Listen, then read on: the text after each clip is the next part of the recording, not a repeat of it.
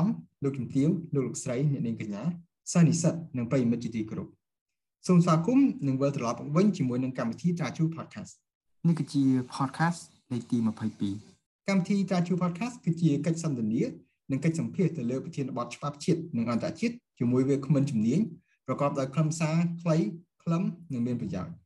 ខ្ញុំបាទសាទសុកវិសាជាអ្នកសម្របសម្រួលនៅក្នុងកម្មវិធីថ្ងៃនេះ នៅក្នុងសប្តាហ៍នេះកម្មវិធីតាជូ podcast មានកិត្តិយសសូមនាំនៅប្រធានបទថ្មីមួយទៀតស្ដីពីសន្តតិកម្មដែលមានការចូលរួមពីវាគ្មិនជំនាញរបស់យើងគឺលោកកឹមវឌ្ឍនៈសូមជម្រាបផងដែរថាលោកកឹមវឌ្ឍនៈបច្ចុប្បន្នជាអ្នកសារជាដំបូងសមាគមសាលាតាជូនិងជាសមាជិកគណៈមេធាវីនៃប្រជាជាតិកម្ពុជាលោកមេធាវីកឹមវឌ្ឍនៈសូមជម្រាបសួរបាទបាទសូមជម្រាបសួរវិសាល ដើម្បីកុំឲ្យខាតពេលយូរខ្ញុំបាទសូមចាប់ផ្ដើមសំណួរទី1របស់យើងតែម្ដងប្រធានបទរបស់យើងខាងនេះគឺនិយាយពីសន្តតិកម្មហើយខ្ញុំយល់ថាពាក្យនេះអាចជាពាក្យថ្មីមែនទែនសម្រាប់សាធារណជនទូទៅពាក្យច្រើនតែគាត់មិនមែនជាអ្នកច្បាប់ឬក៏គាត់មិនធ្លាប់បំពេញការងារច្រើនទាក់ទងនឹងវិស័យនេះអញ្ចឹងតើលោកមេធាវីអាចធ្វើការបញ្យល់បានទេថាអ្វីទៅគឺជាសន្តតិកម្មនេះបាទបាទអឺសន្តតិកម្មនេះបើយើងនិយាយជាភាសាសាមញ្ញយើងអាចថាជាការផ្ទេរនៅចំណែកមរតក ពីបុគ្គលដែលបានស្លាប់ទៅហើយហ្នឹងទៅឲ្យទាយាទប៉ុន្តែបើសិនជាយើងនិយាយតាមទស្សនវិជ្ជាផ្លូវច្បាប់ គឺជាការផ្ទេរនៅសិទ្ធិនិងកាតព្វកិច្ចពីមតកជន ទៅឲ្យសន្តតិជន ហើយសួរថាតើសិទ្ធិនិងកាតព្វកិច្ចហ្នឹងជាអ្វីសិទ្ធិនិងកាតព្វកិច្ចហ្នឹងបើនិយាយឲ្យខ្លីទៅ គឺដូចជាទ្រព្យមានដី មានលុយជាដើមហើយកតបកិច្ចហ្នឹងមានដូចជាបំណុលជាដើមហ្នឹងគឺនិយាយឲ្យខ្លីបាទ បាទសូមអរគុណចំពោះការបកស្រាយរបស់វាគ្មិនយើងចូលជាមួយគ្នាដែរបើយើងបើកក្រមរដ្ឋវិន័យឆ្នាំ2007របស់យើងត្រង់វិន័យទី8តកតងទៅនឹងសន្តតកម្មនេះយើងនឹងឃើញពាក្យថ្មីពីរទៀតគឺពាក្យថាមេរកជននិងសន្តតិជនអញ្ចឹងតើលោកមេធាវីអាចធ្វើការបញ្ជាក់បានទេថាពាក្យថាមេរកជននិងសន្តតិជននេះមានអត្ថន័យយ៉ាងដូចម្តេចដែរហើយតើអ្នកណាខ្លះដែលអាចខ្លាចទៅជាសន្តតិជននេះបាទបាទសូមអរគុណនៅសំណួរនេះអឺ និយាយទៅតកតងជាមួយនឹងពាក្យថាមតកជន ពាក្យមតកជននេះគឺជាបុគ្គលដែលបានចែកឋានទៅអញ្ចឹងគឺអានោះជាភាសាសាមញ្ញដើម្បីឲ្យយើងងាយយល់គឺបុគ្គលដែលបានស្លាប់ទៅហើយនឹងហើយបើសន្តតិជន គឺជាទាយាទអ្នកណាដែលត្រូវទទួលនៅចំណែកមរតកគេហៅថាសន្តតិជន ហើយសួរថាតើសន្តតិជនហ្នឹងអឺអ្នកណាខ្លះដែលអាចខ្លាចជាសន្តតិជនតែគាត់មានត្រូវមានគុណវត្តឬគុណសម្បត្តិយ៉ាងណាដើម្បីខ្លាចជាសន្តតិជន គឺគាត់ត្រូវតែមានជីវិតរស់នៅ នៅពេលដែលសន្តតិកម្មចាប់ផ្ដើមអញ្ចឹង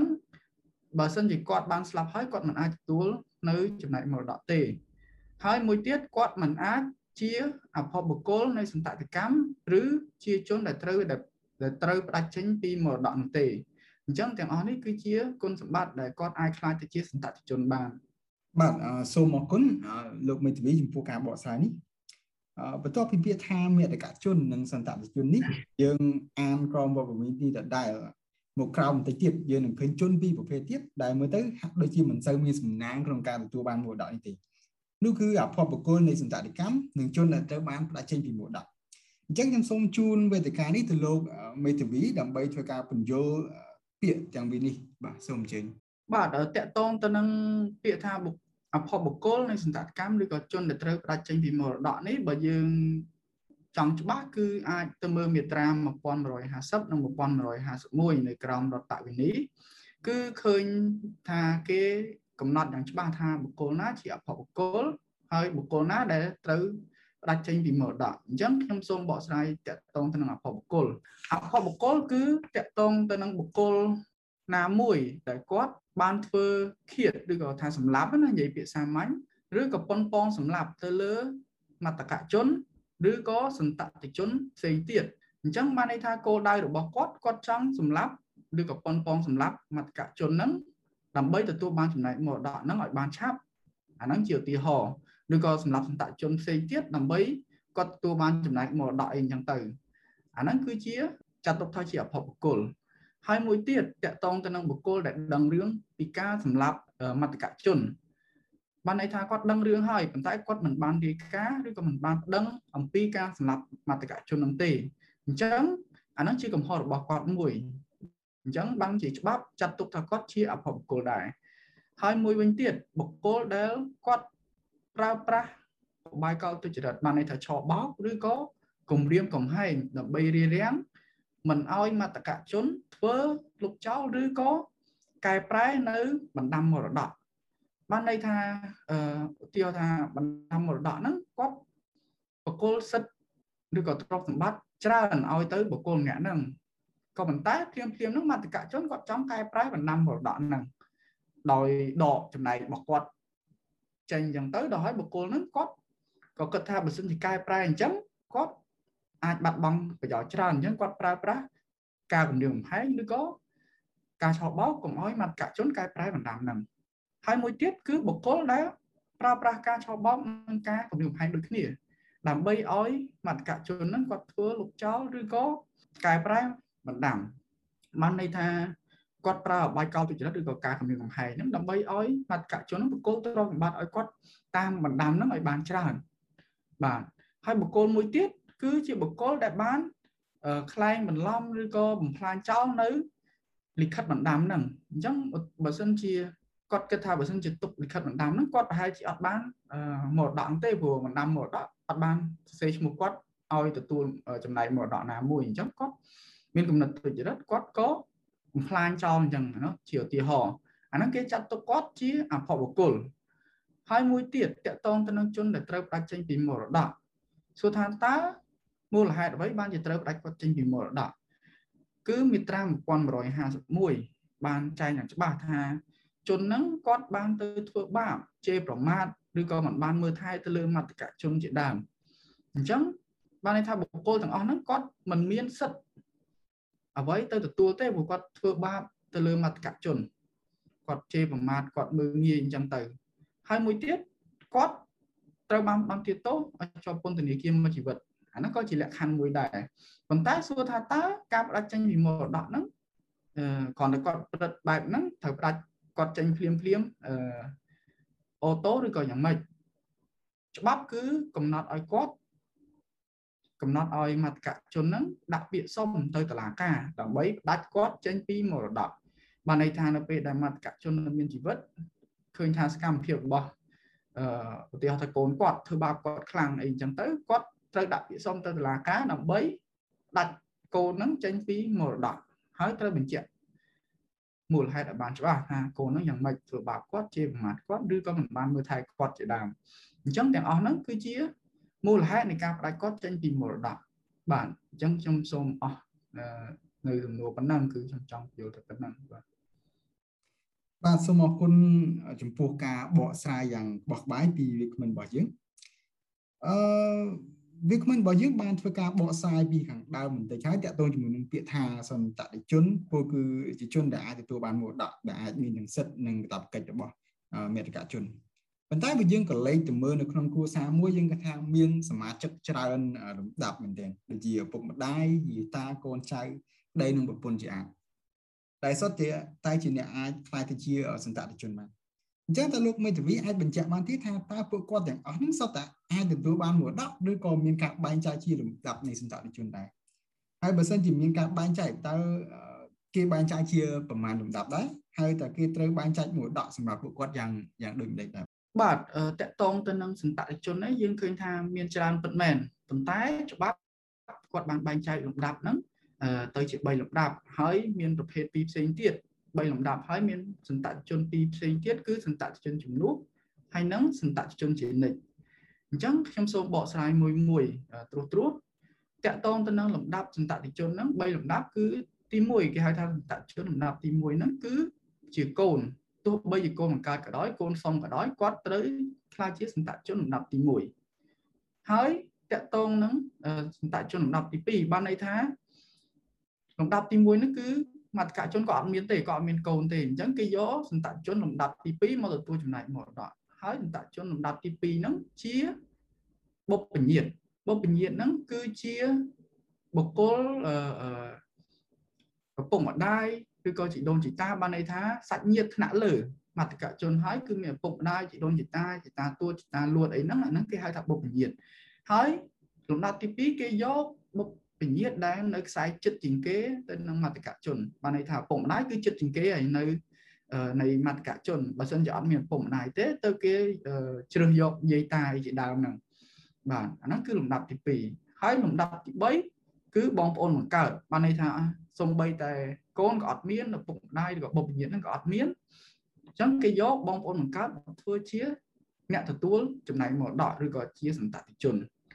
ហើយសួរថាតើសន្តតិជនមួយទៀតដែលគេហៅថាសន្តតិជនចំនួនហ្នឹងបានន័យថាយ៉ាងម៉េចសន្តតិជនចំនួនហ្នឹងគឺជាកូនរបស់សន្តតិជនដែលត្រូវទទួលបានចំណែកមរតកហ្នឹងបានន័យថាឧទាហរណ៍ថា A គាត់មានកូនម្នាក់ហើយកូនម្នាក់ហ្នឹងគាត់មានកូនមួយទៀតអញ្ចឹងកូនទៀតហ្នឹងត្រូវជាចៅរបស់ A អញ្ចឹងនៅពេលដែលចែកមរតកបានន័យថាកូនរបស់ A ហ្នឹងគាត់បានស្លាប់ទៅមុនការចាប់ផ្ដើមសកម្មកម្ម អញ្ចឹងពេលដែល A គាត់ស្លាប់សួរថាអ្នកណាជាអ្នកទទួលចំណែកគឺយកសន្តតិជនចំនួនហ្នឹងហើយជាចៅហ្នឹងហើយដែលមកទទួលចំណែកមរតកហ្នឹងអាហ្នឹងគឺហៅថាសន្តតិជនចំនួនហើយចំពោះ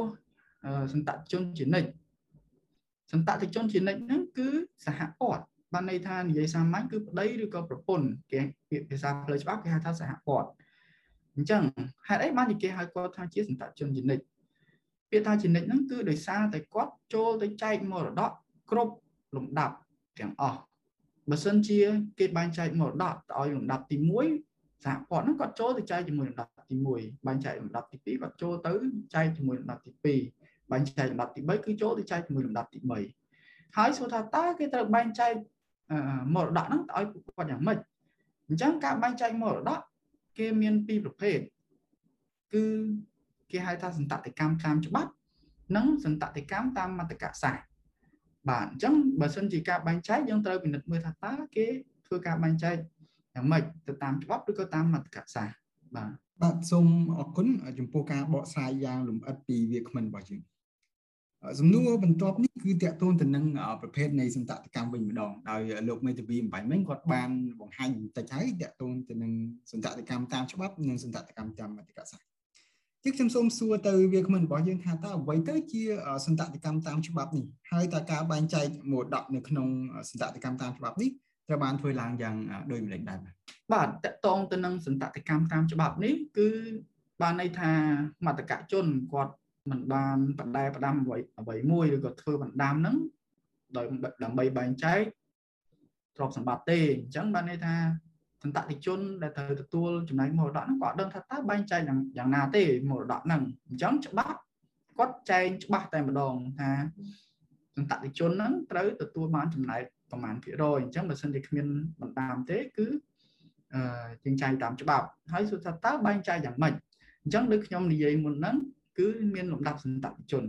បើសិនជាការចែកហ្នឹងគឺចែកទៅឲ្យលំដាប់សន្តតិជនទី1គឺកូន កូនគឺត្រូវទទួលបានចំណាយស្មើគ្នាបានន័យថាកូន2នាក់ត្រូវបានម្នាក់1ភាគ2ប៉ុន្តែបើសិនជាមានសន្តតិជនអឺសំទោសបើសិនជាមានសហព័ន្ធឬក៏គេហៅថាសន្តតិជនជានិច្ចហ្នឹងចូលទៅចែកជាមួយកូនត្រូវបានចំណាយស្មើគ្នាបានន័យថាចែកជា3ចំណែកស្មើគ្នា1ភាគ3ម្នាក់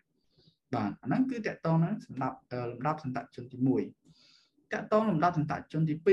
2បើសិនជាបុព្វញាតដែលត្រូវទទួលហ្នឹងជាឪពុកម្ដាយ អញ្ចឹងសហព័ន្ធអឺដែលត្រូវចូលទៅចែកជាមួយឪពុកម្ដាយហ្នឹងគឺបាន1ភាគបាន1ភាគ3ហើយឪពុកម្ដាយហ្នឹងពីរនាក់ហ្នឹងគឺគាត់បាន2ភាគ3ប៉ុន្តែបើសិនជាមានតែឪពុកឬក៏អឺម្ដាយតែម្ខាងអញ្ចឹងសហព័ន្ធបានពាក់កណ្ដាលហើយឪពុកឬក៏ម្ដាយហ្នឹងគាត់បានពាក់កណ្ដាលម្នាក់ដែរបាទ ហើយតកតងទៅនឹងសន្តតិជនលំដាប់ទី3បានន័យថាគឺការបែងចែកបើសិនជាមានបងប្អូនគាត់ហ្នឹង3នាក់ថាបងប្អូនរបស់មត្តកជនហ្នឹង3នាក់អញ្ចឹង3នាក់ហ្នឹងគាត់ទទួលបានចំណែក1ភាគ2ហើយសហព័ន្ធដែលចូលចែកជាមួយហ្នឹងគឺបាន1ភាគ2ដូចគ្នាបាទអញ្ចឹងបានន័យថា1ភាគ2ហ្នឹងសហព័ន្ធយកហើយហើយ1ភាគ2ទៀតហ្នឹងបងប្អូន3នាក់ហ្នឹងគាត់ ចែកជាមួយគ្នា3នាក់ហ្នឹងទៅគឺម្នាក់1ភាគ3នៃចំណាយពាក់កណ្ដាលហ្នឹងប៉ុន្តែបើសិនជាអត់មានសហព័ន្ធទេគឺបងប្អូនទាំង3នាក់ហ្នឹងគាត់ត្រូវទទួលបានចំណែកហ្នឹងស្មើស្មើគ្នាហើយតកតងទៅនឹងសន្តតិជនចំនួនហ្នឹងក៏ដូចទៅបងប្អូនបង្កើតនឹងដែរការចែកចំណែកហ្នឹងគឺមានច្បាប់កំណត់អញ្ចឹងដូចគ្នា គឺសហព័ន្ធបាន1ភាគ2ហ្នឹងហើយសន្តជនចំនួនហ្នឹងក៏ ត្រូវចែកស្មើជាមួយនឹងបងប្អូនផ្សេងទៀតនឹងដូចគ្នាដែរបាទបាទអឺបំបញ្ញមិញនេះលោកមេធាវីបានធ្វើការបកស្រាយរួចហើយតកតងជាមួយនឹងសន្តតិកម្មតាមច្បាប់ឥឡូវនេះយើងចូលមកកាន់ប្រភេទនៃសន្តតិកម្មមួយទៀតគឺសន្តតិកម្មតាមមតិកសាស្ត្រលោកមេធាវីអាចបញ្យល់បានទេថាអ្វីទៅជាមតិកសាស្ត្រហើយតើការបែងចែកមរតកតាមមតិកសាស្ត្រនេះត្រូវបានធ្វើឡើងយ៉ាងដូចម្តេចដែរសូមអញ្ជើញ តកតងទៅនឹងមតិកសាស្ត្រមតិកសាស្ត្រជាភាសាផ្លូវច្បាប់បើយើងនិយាយសាមញ្ញគឺបានន័យថាជាបណ្ដាំមតិកសាស្ត្រហ្នឹងជាបណ្ដាំអញ្ចឹងបើសិនជាបណ្ដាំហ្នឹងមានខ្លឹមសារបែងចែកមរតកយ៉ាងណាគឺការបែងចែកមរតកត្រូវធ្វើតាមបណ្ដាំព្រោះថាបណ្ដាំជាឆន្ទៈចុងក្រោយរបស់មតកជនអញ្ចឹងបើសិនជាគាត់បែងចែកទ្របណាឲ្យកូនណាមួយ គឺត្រូវធ្វើតាមមតកសាសហ្នឹងហើយ ចាក់ស្ដែងទៅមតកសាសគឺវាមានទម្រង់ច្រើនវាតាមច្បាប់គឺមានដល់តែ7ទម្រង់ប៉ុន្តែខ្ញុំសូមលើកតែ3ទម្រង់ធំធំទេដែលប្រជាជនសពថ្ងៃគាត់អាចនឹងប្រើប្រាស់ហើយហើយអ្នកខ្លះក៏គាត់ប្រើប្រាស់តែគាត់មិនទាន់ដឹងថាតើវាជាប្រភេទអីដែរអញ្ចឹងអឺទម្រង់ទី1ហ្នឹងគេហៅថាទម្រង់បែបលិខិតយថាភូតមតកសាបែបលិខិតយថាភូត ទី2គឺមតកសាបែបលិខិតឯកជនទី3គឺមតកសាបែបលិខិតសម្ងាត់អញ្ចឹងទី1តកតងទៅនឹងទម្រង់បែបលិខិតយថាភូតអឺតកតងទៅនឹងលិខិតយថាភូតគឺត្រូវធ្វើឡើងដោយមន្ត្រីសាការីបាទអញ្ចឹងមន្ត្រីសាការីមត្តកជនគាត់ទៅរកមន្ត្រីសាការីនឹងហើយ ហើយត្រូវមានសាក្សី2នាក់នៅនៅជាមួយដើម្បីធ្វើមត្តកសាសនឹងផងដែរអញ្ចឹងមត្តកជនគាត់ប្រាប់ខ្លឹមសារទាំងអស់ទៅសាការីសាការីបំពេញសរសេរតាមខ្លឹមសារនឹងហើយអស់គាត់ត្រូវអានខ្លឹមសារហ្នឹងទៅឲ្យមត្តកជននិងសាក្សីទាំងពីរនាក់ហ្នឹងបានដឹងហើយនៅពេលដែលព្រមព្រៀងគ្នាថាអូខេបណ្ដាំហ្នឹងគឺធ្វើបែបហ្នឹងអញ្ចឹងសាខារីគាត់ឲ្យមត្តកជនហ្នឹងចុះហត្ថលេខាដោយផ្ទាល់ដៃ សាក្សីចុះហត្ថលេខាដូចគ្នាហើយត្រូវបង្ហាញអត្តសញ្ញាណរបស់ពួកគាត់ផងហើយសាការីគាត់ចុះហត្ថលេខាចុះថ្ងៃខែនិងបោះត្រាសាការីនៅពីលើលិខិតហ្នឹងអញ្ចឹងលិខិតហ្នឹងខ្លាចទៅជាលិខិតយថាភូតលិខិតបែបទី2គឺលិខិតឯកជនលិខិតឯកជនប្រហែលជាសាធារណជនគាត់បានដឹងអឺរួចមកហើយពីព្រោះថាមានមនុស្សជាច្រើនបានធ្វើលិខិតឯកជននេះ អញ្ចឹងលិខិតឯកជននេះគឺជាលិខិតមួយប្រភេទដែលមតកជនគាត់សរសេរដោយដៃបានន័យថាច្បាប់តម្រូវឲ្យគាត់សរសេរដោយដៃផ្ទាល់ទើបអាចមានអនុភាពតាមផ្លូវច្បាប់អញ្ចឹងមានមនុស្សជាច្រើនហើយគឺតាំងពីបរមបុរាណមកគឺគាត់ជួនកាលសរសេរមកសរសេរលិខិតបណ្ដាំនេះដោយដៃអញ្ចឹងទៅអញ្ចឹងច្បាប់តម្រូវថាសរសេរដោយដៃផ្ទាល់ហើយត្រូវចុះហត្ថលេខានិងចុះថ្ងៃខែថែមទៀតអញ្ចឹងអាហ្នឹងគឺជាលិខិតឯកជន តាក់ទងទៅនឹងលិខិតសម្ងាត់លិខិតសម្ងាត់គឺវារៀងថាកូនកាត់ជាមួយនឹងលិខិតទាំងពីរហ្នឹងគឺបានន័យថាធ្វើនៅចំពោះមុខសាការីនិងសាក្សីពីរនាក់ដូចគ្នាប៉ុន្តែគឺគេយកអឺលិខិតបណ្ដាំហ្នឹងយកមកដាក់នៅក្នុងស្រោមសម្បត្តិបិទចិត្តអញ្ចឹងនៅពេលដែលដាក់ចូលមត្តកជនគាត់ថ្លែងថ្លែងការណ៍ថាលិខិតនេះជាលិខិតសម្ងាត់ អញ្ចឹងគាត់ប្រគល់ឲ្យសាការីដាក់ចូលស្រង់បត់បិទចិត្តហើយធ្វើសញ្ញាសម្គាល់មួយ ដើម្បីសម្គាល់ថាសម្បត្តិហ្នឹងបានបិទឬក៏បើកអាហ្នឹងគឺជាវិធីសាស្ត្រមួយដើម្បីការពារកុំឲ្យមានគេបើកស្រោមសម្បត្តិហ្នឹងធ្វើការកែប្រែទៅលើមត្តកសាស្ត្រហើយនៅពេលដែលបិទចិត្តហើយអស់អឺសាការីហ្នឹងគាត់ នឹងឲ្យមត្តកជនក៏ដូចជាសាកសីហ្នឹងចុះហត្ថលេខានៅលើស្រោមសម្បត្តិហ្នឹងហើយសាការីគាត់ប្រថាប់ត្រាហើយនឹងចុះហត្ថលេខាចុះថ្ងៃខែលើស្រោមសម្បត្តិហ្នឹងដូចគ្នាអញ្ចឹងនេះជាប្រភេទនៃលិខិតសម្ងាត់បាទអញ្ចឹងទាំង3នេះគឺជាប្រភេទនៃមត្តកសាសធំធំដែលមនុស្សភាគច្រើនគាត់អាចនឹងប្រើប្រាស់ហើយគាត់ក៏បានយល់ដឹងហើយអ្នកខ្លះក៏មិន បានយល់ដឹងដែរហើយតម្រងទាំងអស់នេះគឺជាតម្រងដាច់ខាតដែលច្បាប់តម្រូវឲ្យធ្វើតាមបើមិនជាធ្វើខុសតែពីតម្រងហ្នឹងគឺបណ្ដាំហ្នឹងត្រូវចាត់ទុកជាមុខៈហើយបើមិនជាគ្មានបណ្ដាំទេគេនឹងបែងចែកសន្តតិកម្មហ្នឹងទៅតាមច្បាប់វិញបាទបាទសូមអរគុណច្រើនមែនទែនចំពោះវាគ្មិនរបស់យើងដែលបានបកស្រាយយ៉ាងបោះបាយទៅលើប្រធានបទស្ដីពីសន្តិកម្មខ្ញុំជឿថាប្រិមិត្តពិតជាទទួលបាននៅចំណេះដឹងពោពេញទៅដោយខ្លឹមសារ និងអត្ថន័យច្បាស់លាស់ចេញពីវាគ្មិនជំនាញរបស់យើងក្នុងនេះខ្ញុំបាទសូមជំនួសមុខឲ្យក្រុមការងារត្រាជូ podcast សូមអរគុណទៅដល់លោកមេធាវីកឹមវឌ្ឍនៈដែលបានចំណាយពេលវេលាដ៏មានតម្លៃចូលរួមជាវាគ្មិនជំនាញនៅក្នុងកម្មវិធីយើងថ្ងៃនេះហើយក៏សូមអរគុណផងដែរចំពោះប្រិយមិត្តទាំងអស់ដែលបានបន្តស្ដាប់និងគាំទ្រកម្មវិធីត្រាជូ podcast របស់យើងខ្ញុំក្រុមការងារសន្យានឹងវិលមកវិញជាមួយនឹងវិធានបទច្បាប់ពេញនិយមដើម្បីបន្តបេសកកម្មរបស់យើងក្នុងការបន្ត ចែកចាយចំណេះដឹងច្បាប់ខ្លីខ្លឹមនិងមានប្រយោជន៍ជូនដល់ប្រិយមិត្តទាំងឡាយកម្មវិធីរបស់យើងក៏បានឈានមកដល់ទីបញ្ចប់អញ្ញាតខ្ញុំបាទសាទសុកវិសាលោកមេធាវីកឹមវឌ្ឍនៈនិងក្រុមការងារសូមអរកាយអរគុណនិងគោរពលាសូម